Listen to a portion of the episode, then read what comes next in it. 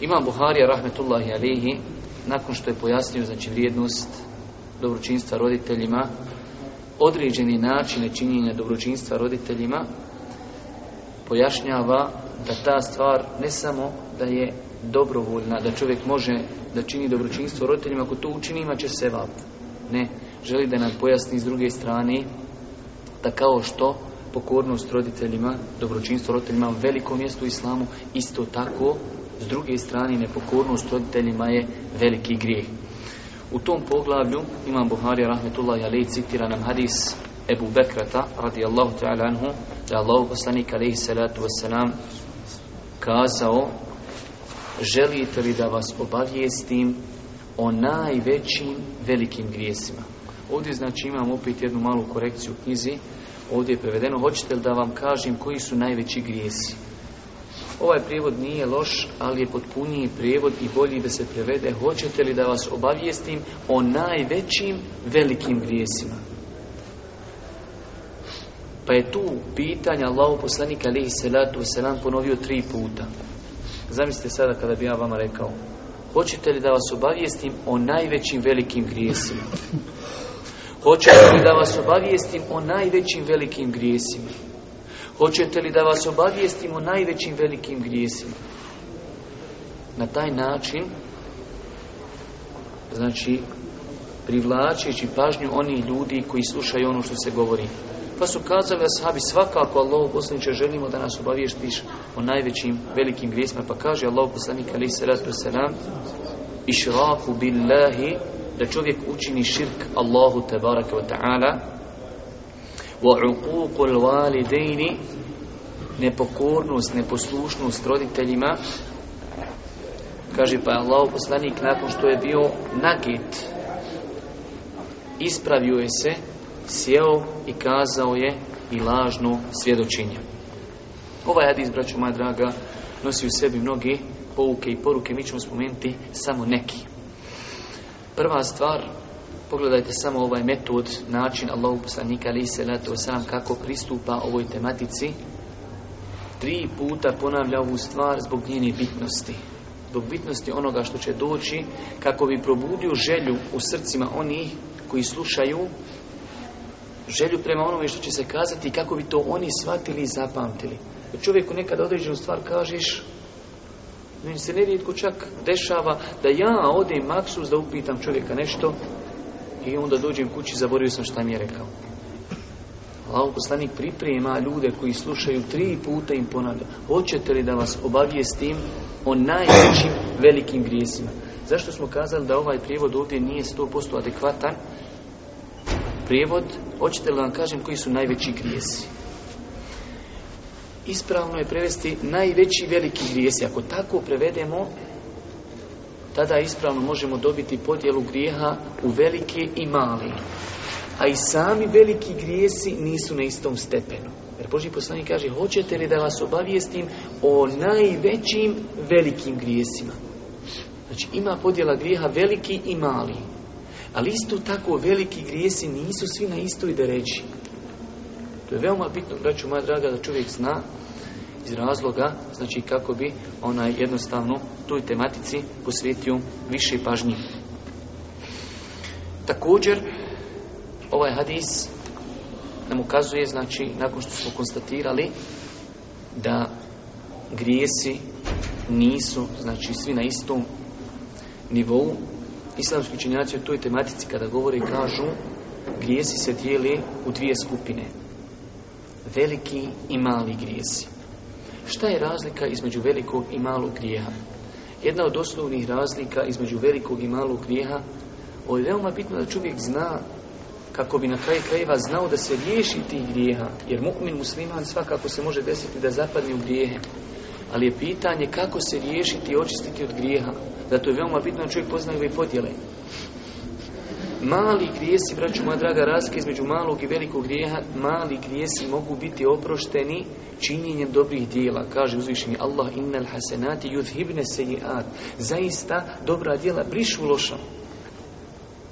Allah poslani kaže, boj se Allaha gdje bio i loše dijelo poprati dobrim koji će ga poprisati.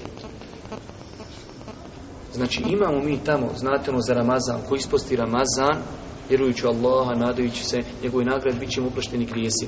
Ko posti dana refata, ko ovo, ko ono, ko obavi namaz i tako, koji, ko provede noć Leletul Qadar u ibadetu, mnogo je hadisa, vraću moja draga, u kojima se spominje oprost grijeha. Islamski učenjaci, ali sunnet od džemata, kažu u svim ovim hadisima se misli na oprost mali grijeha. To je veoma bitno ovoj tematici tako pristupiti. Ma čovjek Kaže, ko posti, razumiješ, dan Arefata, bit će im oprošteni grijesi. Ajde idem, postim grije i čitavu godinu radi još šta hoćeš. Ne.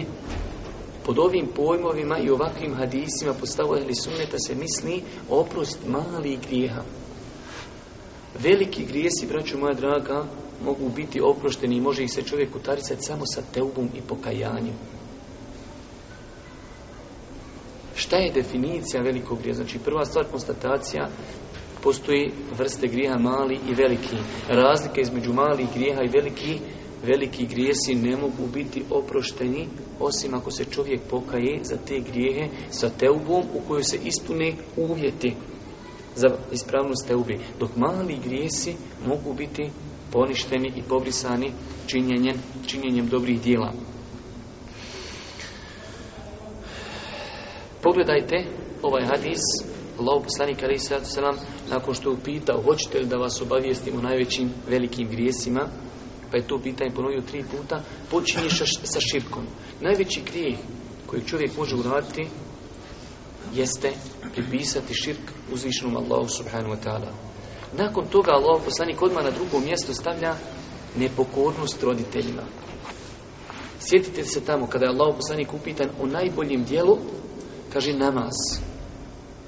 Nakon toga dobročinstvo roditeljima. U kuranskim ajetima, u suri El Isra i drugim, Allah SWT naređuje ibadet Allahu, nakon toga dobročinstvo roditeljima.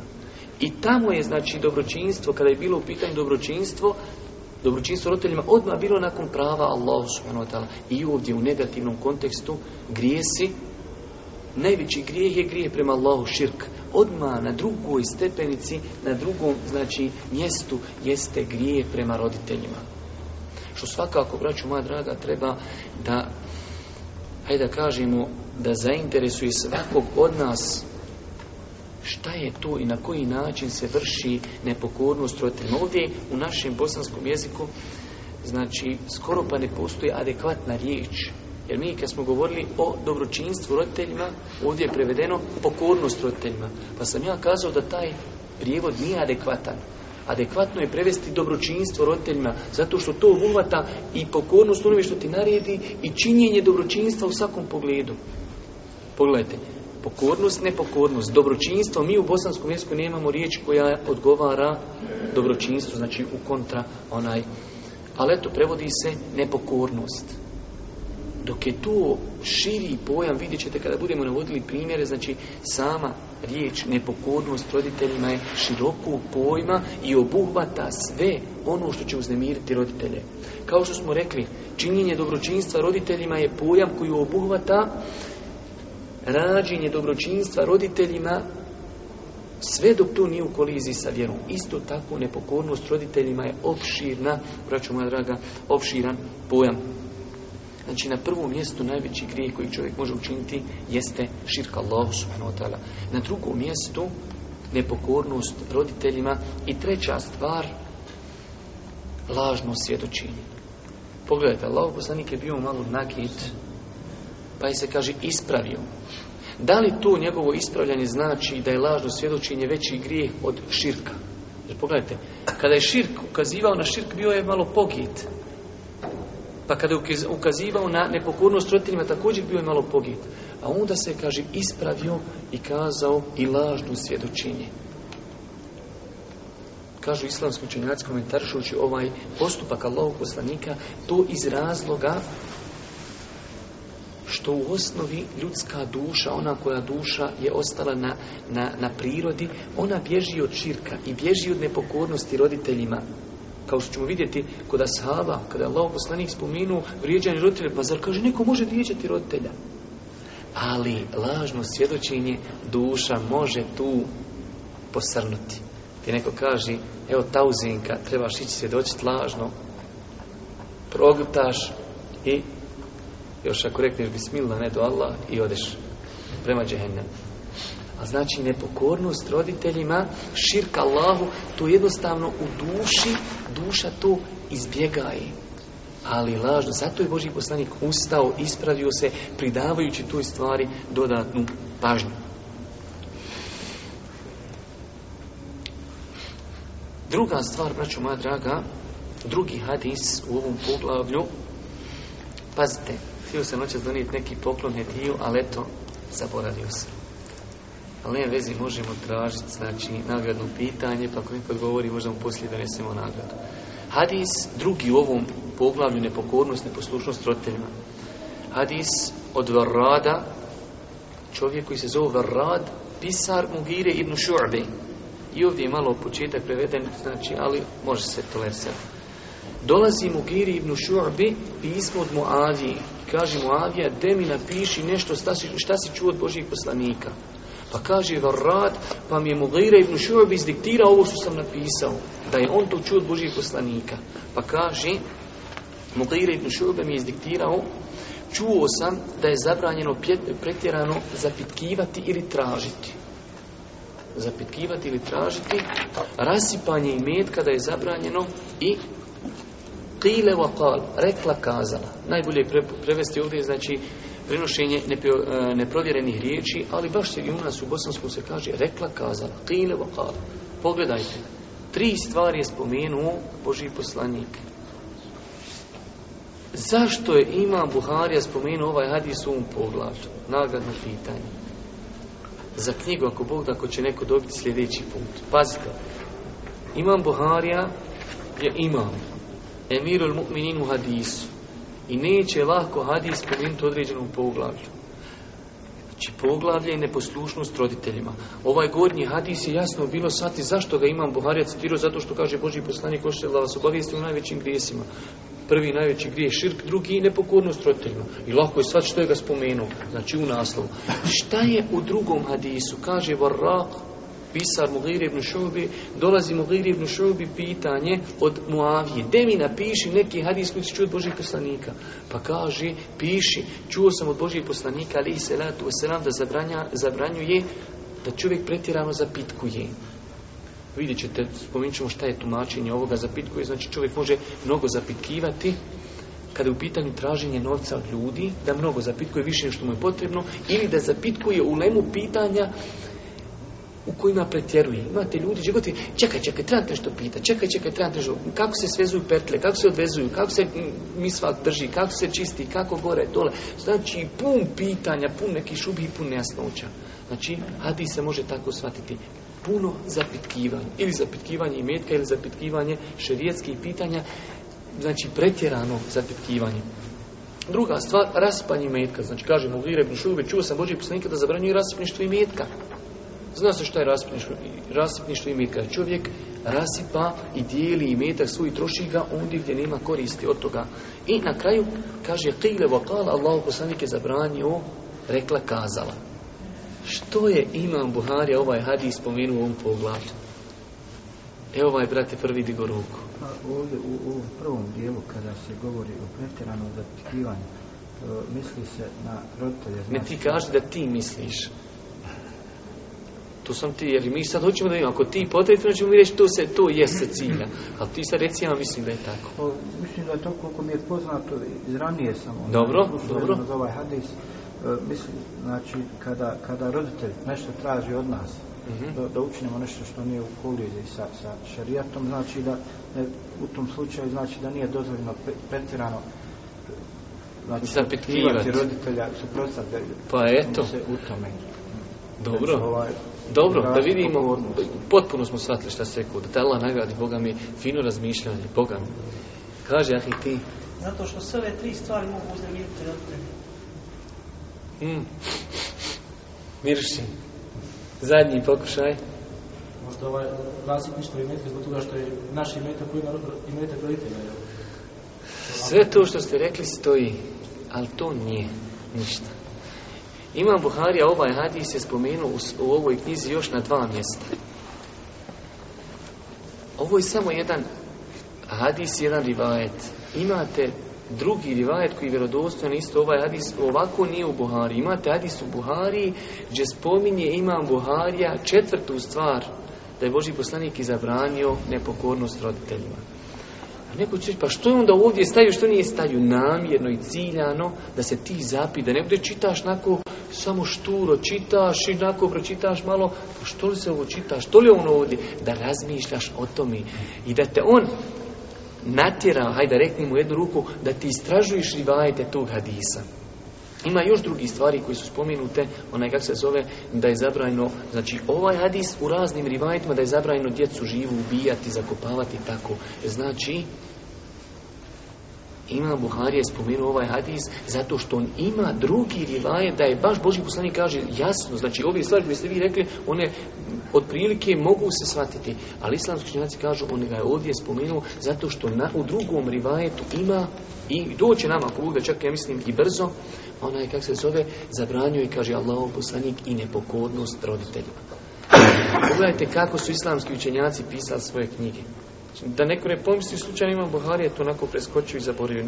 Sto posto, hiljedu posto, milijun posto nije. Znači, namjerno ciljano je, je postavio tu stvar, znači, da bi mi, braću moja draga, o njoj razmišljali. ćemo se, znači, dugo zadržavati kod ovog hadisa, jer večeras, ako Bog da imamo mnogo toga, onaj, govoriti. Malo prije onaj kak se zove, interesantno je također spomenuti u kontekstu ovog ugledu sam ovdje jednu opasku, svakako lijepa, kada kaže Allah poslaniku u Madisu želite li da vas obavijesti? Također islamski učenjaci iz te riječi uzimaju da čovjek musliman treba da se interesuje šta je to veliki grijeh. Boži poslanik, hoćete da vas obavijestim, hoćete da vas podučim. Iz toga islamski učenjaci uzimaju korist, ali ah, ti si malo prije ruku, pa ćemo, možemo postati po Ja sam rekao mišljenja mislim da Allah te nagradi što razumiješ. Onaj, kako se zove, čovjek treba da se poduči i ova tematika koliko je bitna, najbolje nam ukazuje činjenica da su islamski učenjaci kroz historiju pisali posebna djela u kojima su sakupili šta? Veliki grije. Koji dijelo je prevedeno na bosanski jezik veliki grijesi? Prevela davno poslije rata odmah Aktivna islamska omladna štampala knjigu El Kebair, veliki grijesi od imama Ezehebija. To je jedno od najboljih dijela koje je napisano u poglavlju Kebaira. I interesantno i treba, braću moja draga, da čovjek pročita to kako bi znao sutra kada mu se desi da određenu stvar treba učiniti u životu, da ga to, uf, ja sam pročitao Bogan kod imama Ezehebija, jasan hadis, da je to veliki grijeh. I ne smije se lako na to čovjek da usudi, jer veliki grijeh, definicija velikog grijeha, i to smo zaboravili spomenuti, a tu je dobro da čovjek zna, i sad se žestoko razilaze šta je veliki grijeh, šta je mali grijeh. Ali jedna od nekih najprihvatljivijih definicija velikog grijeha, veliki grijeh je onaj grijeh kojim se počinio s tog grijeha se prijeti ili dunjalučkom ili ahiretskom kaznom. Ili dunjalučkom ili ahiretskom kaznom. Svaki grijeh za koji se kaže počinio s toga, očekuje ga kazna takva ili takva ili takva, sve su to, vraću moja draga, veliki grijesi i za njih, znači vraćajući se na onu konstataciju, malo prije čovjek da bi ih se riješio iz svog nekog životnog deftera, treba, braćo moja draga, da se za njih pokaje pokajanjem u kojim su se ispunili uvjeti prihvatanja pokajanja. Dobro,